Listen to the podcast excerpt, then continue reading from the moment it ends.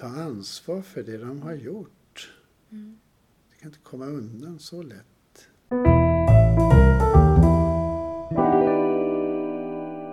Hej och välkommen till Tolkning pågår. Jag heter Jessica G Nordqvist, är präst på eh, Campus Helsingborg, studentpräst Campus Helsingborg, Lunds universitet. Och jag sitter här med Lars Björklund som är präst och föreläsare och författare idag. Eh, jag har lämnat det verksamma livet, alltså yrkesverksamheten, men är fortfarande verksam. Mm. Fint att ha dig här. Tack. Och vi ska tala om domsöndagen. Och eh, då vill jag be dig att läsa evangelietexten. Ja, och det är ju från Johannes evangeliet, det femte kapitlet, vers 22 till 30. Jesus sa, Fadern dömer ingen, utan har helt överlåtit domen åt Sonen, för att alla ska ära Sonen liksom de ärar Fadern. Den som inte ärar Sonen ärar inte heller Fadern som har sänt honom.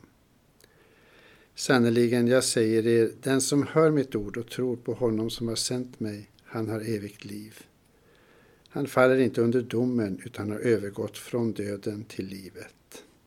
Sannerligen, jag säger er, den stund kommer, ja, den är redan här, då de döda ska höra Guds sons röst och de som hör den ska få liv.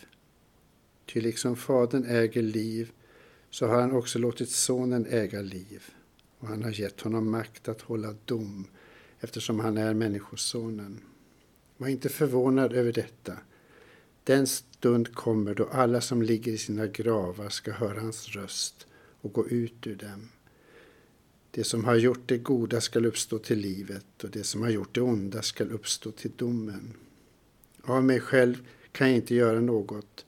Som jag hör, så dömer jag, och min dom är rättvis.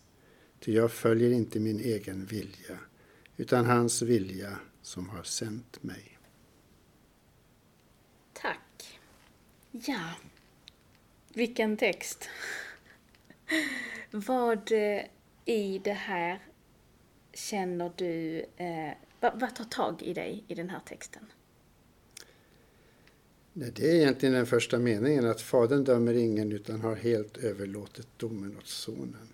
Mm. Det griper tag i mig. Mm. Hur menar du då? Ja, för Sonen är då Jesus. Mm.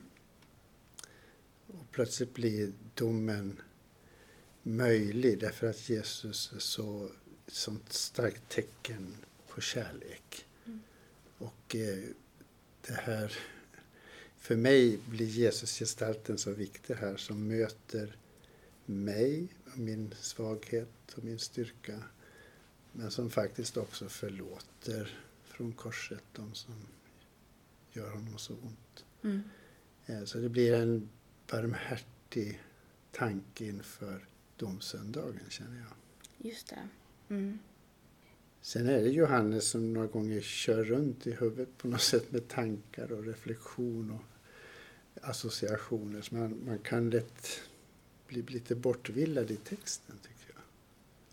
Precis. Det, det är om och om och ja. om igen. Att upprepa orden, det låter nästan som en raptext i någon hiphop. Ja, faktiskt. Ehm, det som jag funderade över som jag tycker är lite obehaglig. Men ändå intressant. Ehm, den stund kommer då alla som ligger i sina gravar skall höra hans röst och gå ut ur dem. De, ska, de som har gjort det goda ska uppstå till livet och de som har gjort det onda ska uppstå till domen.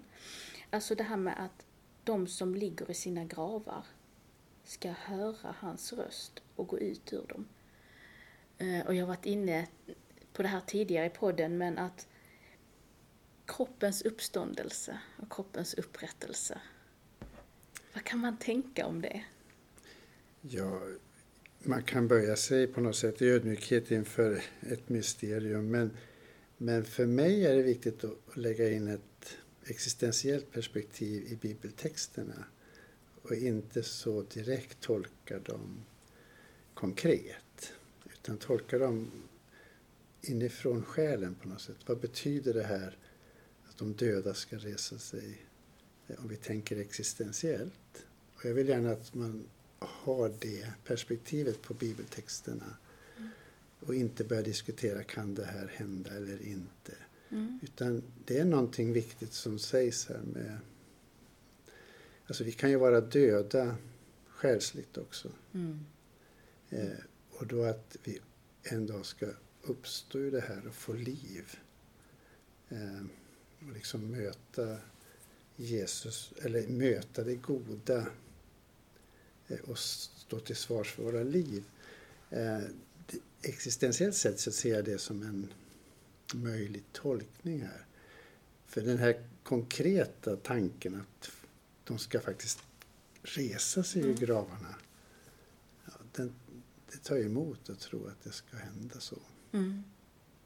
Det är läskigt.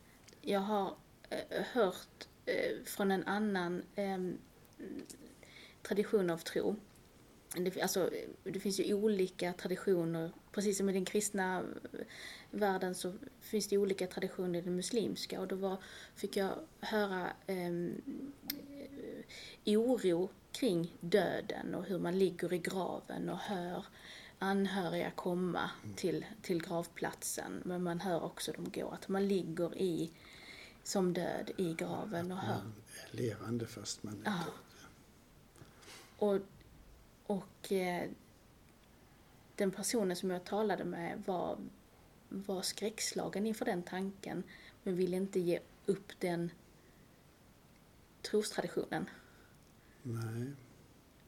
Nej, men jag själv har ju gett upp den tanken att vi ska resa oss ur gravarna mm. och att våra kroppar ska få liv igen. Mm. Så tror inte jag. Eh, samtidigt som jag kan säga att jag är ödmjuk inför allt jag inte vet.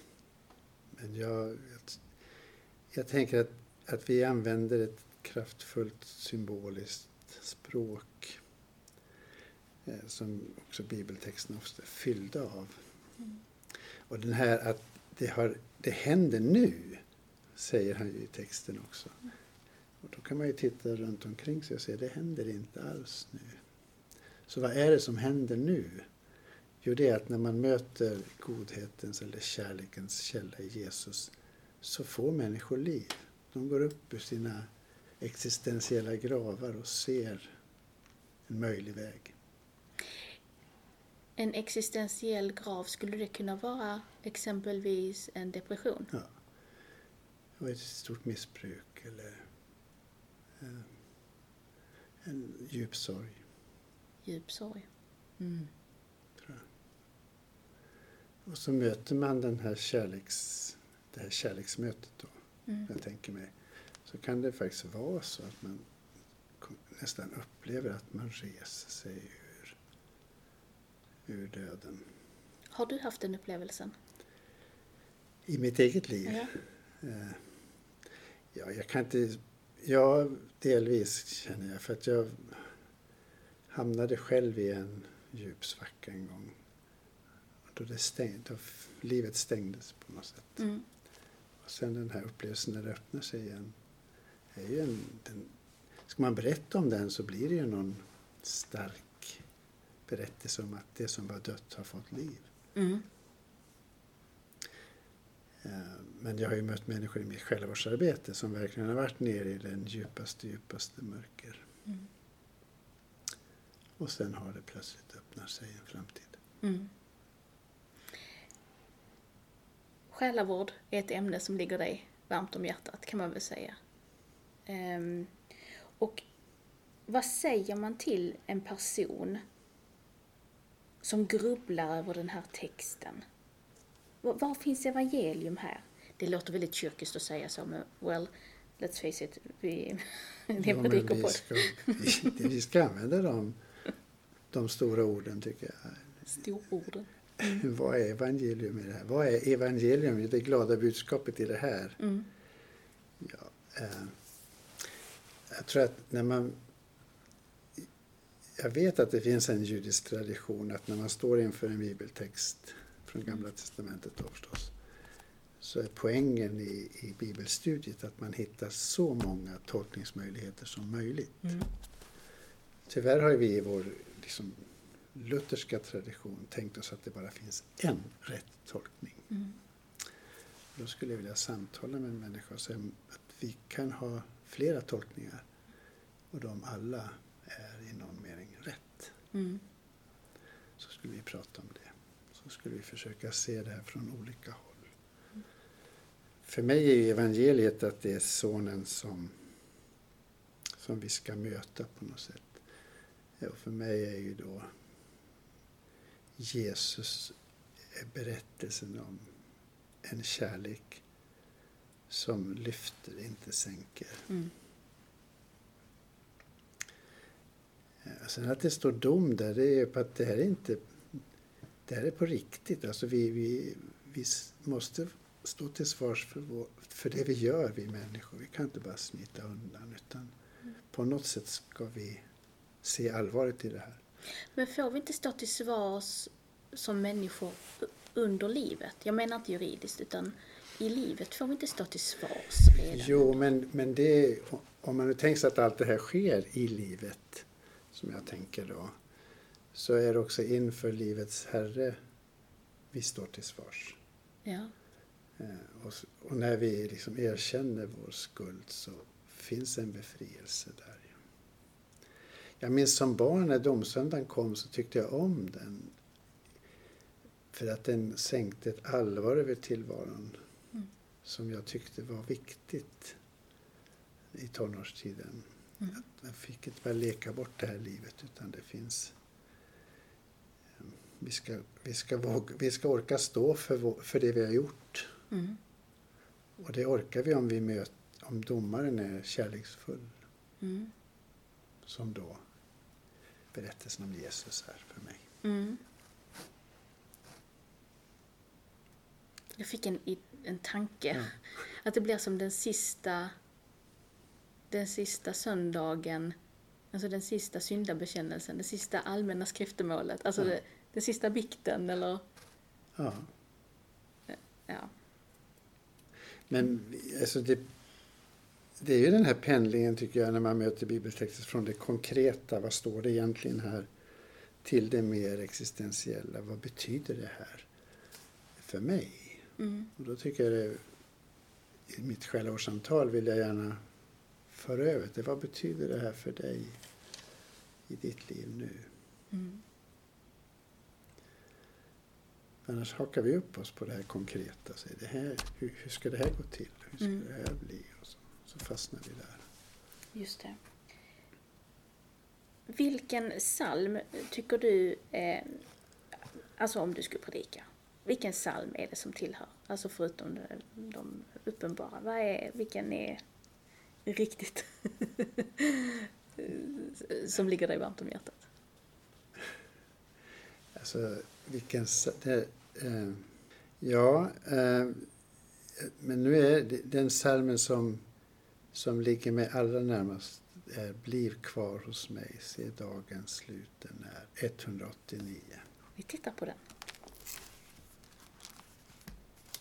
Bliv kvar hos mig, se dagens slut är när. Bliv kvar, o Herre, snart är natten här.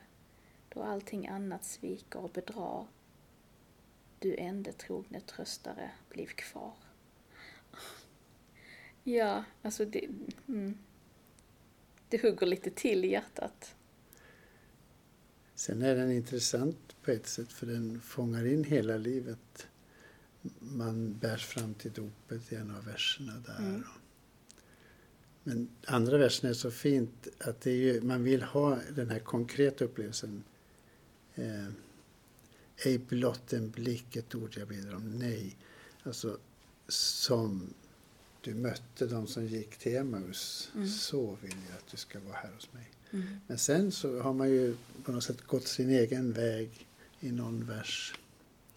Och sen så finns döden med där också, väldigt kraftfullt. Gravens fasa tror jag det och med Mm. står. Just det. Och sen den här otroligt vackra sista versen ditt kors skall skina för min blick när sist jag somnar in, o Herre Krist. Då viker natten, morgon bräcker klar. I, I liv, i död, liv Herre hos mig kvar. Mm. Ja. Alltså för att det går ju liksom inte att, att bortgå. Nu när vi sitter och talar här så är det alla helgons mm. Mm. afton. Vad heter alla helgons dag? Och eh, jag i alla fall i det mindsetet. Och, och sen så sitter vi och pratar om domsöndagens eh, texter och vi talar om domen, att möta, att möta Jesus som, som den som dömer. Men det frångår ju inte detta liksom, precis som, som denna kvällssalm är också att, att vad är det att dö? Och vad är det liksom det sista innan mötet med, med Jesus? Um, ja, då har vi två sidor av, av vårt tänkande på något sätt. Höger och vänster troligen. Mm. Där vi på den ena sidan tänker rationellt mm. och då vill vi ha det här liksom konkreta. Vi dör, kroppen dör och sen uppstår vi. Och, så. och då lutar jag mig till den berättelse som säger att vi är döda fram till uppståndelsens dag. Så det finns ingen mellanperiod där. Just det. Mm, mm. De döda är döda på riktigt, mm. tänker jag. Så, den mm. delen. Den andra vänstra delen på något sätt, det här mer eh, existentiella där vet vi vad det är att vara död. Alltså vi, vi har känt av det i våra liv. Det är att, att, det är att tappa livet, att inte känna lust till liv, att inte vilja leva, att vara död på något sätt rent existentiellt. Mm. Det har väldigt många människor erfarit i sina liv. Mm. Um, det är tomt. Det är ingenting. Mm. Um, och då är den här upplevelsen när livet väcks på nytt. Att det är som uppståndelse som sker mer än en gång under en människas liv. Mm. Och då när vi upplever den här livskänslan, då är den större än livet. Mm. Då kan vi använda ord som evigt liv. Mm. Mm. Mm. Vi, ja. vi, är större än allt. Vi är liksom ja. inne i ett större sammanhang. Ja det gudomliga. Mm. Och, och, och, när du liksom, innan så sa du att, att eh, ja, men det är något trösterikt i det här, att det är sådan Jesus som, som möter oss. Ja. Men ändå, vi, vi, kan, vi kan tänka, vi kan förhålla oss till texter, vi kan finna tröst och hopp. Men, är vi rädda för att dö? Är du rädd för att dö? Eh, alltså fysiskt nu menar jag inte det existentiella. Jag förstår, fysiskt dö. Um Alltså jag kan inte säga att jag sitter och är rädd för att dö. Däremot troligen kommer jag vara rädd om jag får reda på att jag ska dö eller att det ska hända nu. Eller... Mm. För att vi känner inte till det där. Mm. Och vi är trygga i det vi känner till. Mm. Så en viss...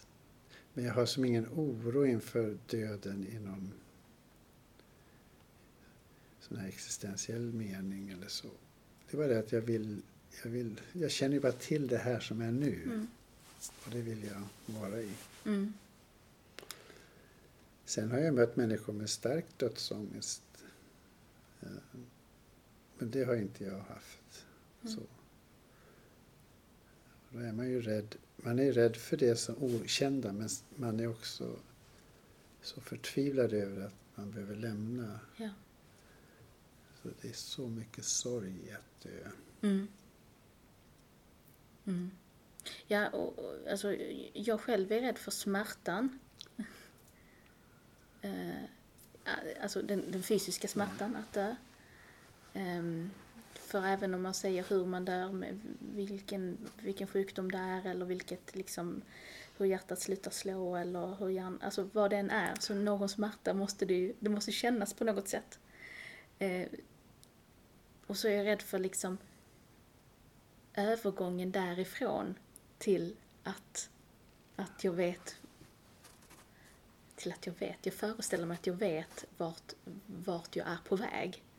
Men någonstans däremellan, ja. mellan platsen där medvetandet eh, inte riktigt... Nej. Från att medvetandet är till att det inte är, så att säga. Men om det är som att somna så har vi ju liksom ett... Det är, bara, det är ju plötsligt bara så att vi sover. Ja. Gör inte du det? Fast ibland så kan det ju vara så att man, man nästan är, man känner att nu är jag på väg in, nu är jag på väg in, nu är jag på väg in. Somna nu. Ja, eller liksom så kommer någon konstig dröm och sen så vaknar man till eller så hoppar kroppen ryster till eller... Den lugna sömnen. Men jag tror inte all död förknippad med smärta. Det tror inte jag. Nej. I alla fall inte vad jag har... Jag har ju sett det några gånger på sjukhuset och en del dör alldeles lugnt. Mm.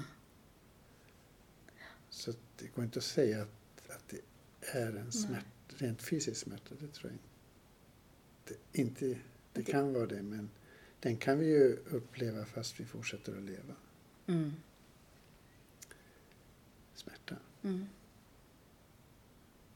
Ibland kanske det gör ondare att leva. Ja.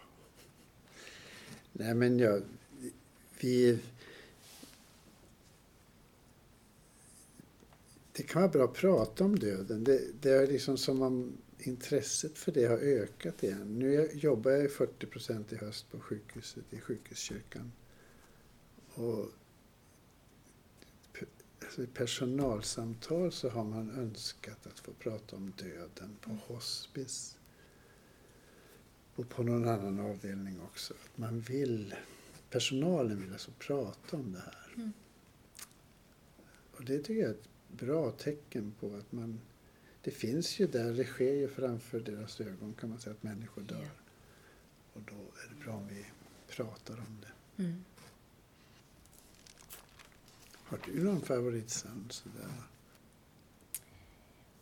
Eh, eh, en favoritpsalm kopplad till domsöndagen? Nej, alltså jag måste säga att när jag bestämde mig för att när jag anmälde mig, eller så här, när jag satte upp mig på listan för att ha detta avsnittet ja så tänkte jag, varför gjorde jag det för domsöndagen? För det här är inte min favoritsöndag. Jag har, um, jag tycker det är svårt. Uh, och jag har inte um, men som du berättade om, om att det finns ett allvar i den och allting kan inte bara vara glättjefullt eller så här. Jag har inte den kopplingen till, döds, till dödsdagen. Döds... Domsöndagen. Ja, men du förstår den felsägningen, ja. vad är det om? Mm. Ja. Eh, så att eh, jag har ingen, ingen eh, favoritsalm till domsöndagen, nej. Nej, och jag, jag har ju sjungit några sådana här Bach-verk, Wachet auf, Eh, med de här som, som kloka jungfrurna och de fåviska som några har sparat olja, andra har inte. Och det är fantastiskt att sjunga såna här verk tycker jag. man, på, den, på Bachs tid så tror jag man hade en större rädsla inför själva domen, att vi skulle skiljas åt. Liksom, några skulle hamna i det stora mörkret och andra skulle räddas till livet. Um, i den här texten tycker jag är lite intressant att vi, några ska uppstå till livet, andra till domen. Mm. Och då är det inte, det, för mig blir det en, en öppning där, att det inte är färdigt. Det är så ett möte till som ska till för några. Precis. Och vad är det för möte då? Ja, det är, återigen är det då den här, tänker jag, att man möter Jesus som faktiskt då man kan säga att man måste erkänna sin synd för att bli förlåten. Ja. Men från korset förlåter han dem utan ja. erkännande. Mm. Och för mig blir det, och när jag tänker på den, det sättet så blir det någon barmhärtighet större än vad människan förmår. Ja. Som vi kommer att möta där. Det. Och det gör mig trygg. Mm. För ibland har vi gjort saker som vi inte, ja det blev så för att omständigheterna var så. Mm. Och det kommer hans kärleksblick att se. Mm. Så jag känner mig trygg där. Ja, du känner dig trygg Ja. där? Men Ja. däremot med alla dessa förfärliga brott som begås så kan vi inte bara säga att all, allt ska bli bra utan människor måste ta ansvar för det de har gjort. Mm. De kan inte komma undan så lätt. Mm. Nej, om det som sker nu runt om i världen också med krigshandlingar. Och, om det, vi får inte förminska ondskan heller. Precis, för jag tänker verkligen att det ropar till någonting som handlar om en, en himmelsk juridik så att säga. Eh, när det inte fanns rättvisa här på jorden så kommer det finnas Sen vet vi att när Jesus vid sista måltiden säger att någon ska förråda mig så plötsligt känner, blir alla osäkra. Tänk på det. Mm, det är något neurotiskt, tänker jag. Det är intressant tycker jag eh, att, eh, att det tycks vara allas problem. Mm. Vi inte kan leva, att, att det goda är inte möjligt för människan fullt 100 procent. Men då, då, det är ju bra egentligen att alla tar åt sig. För det innebär att då, då tittar man, det är inte jag, för jag är så perfekt. det Nej, måste vara den kan det vara jag? Ja, Det är en otrolig text tycker jag, Ja. eller händelse där. ja, Att det, är alltså så, det är möjligt på något sätt att alla kan göra det här onda.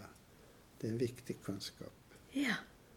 För oss i, i livet här. Så att vi inte för snabbt dömer andra. Utan att vi också riktar list, strålkastaren på oss själva. Precis. Ja. Vad intressant. Ja. Ja, Okej. Ehm, vi har talat om domsöndagens evangelietext. Det var väldigt spännande att höra dig ehm, ehm, tänka och resonera. Tack för detta samtalet, Lars Björklund. tack ska du ha.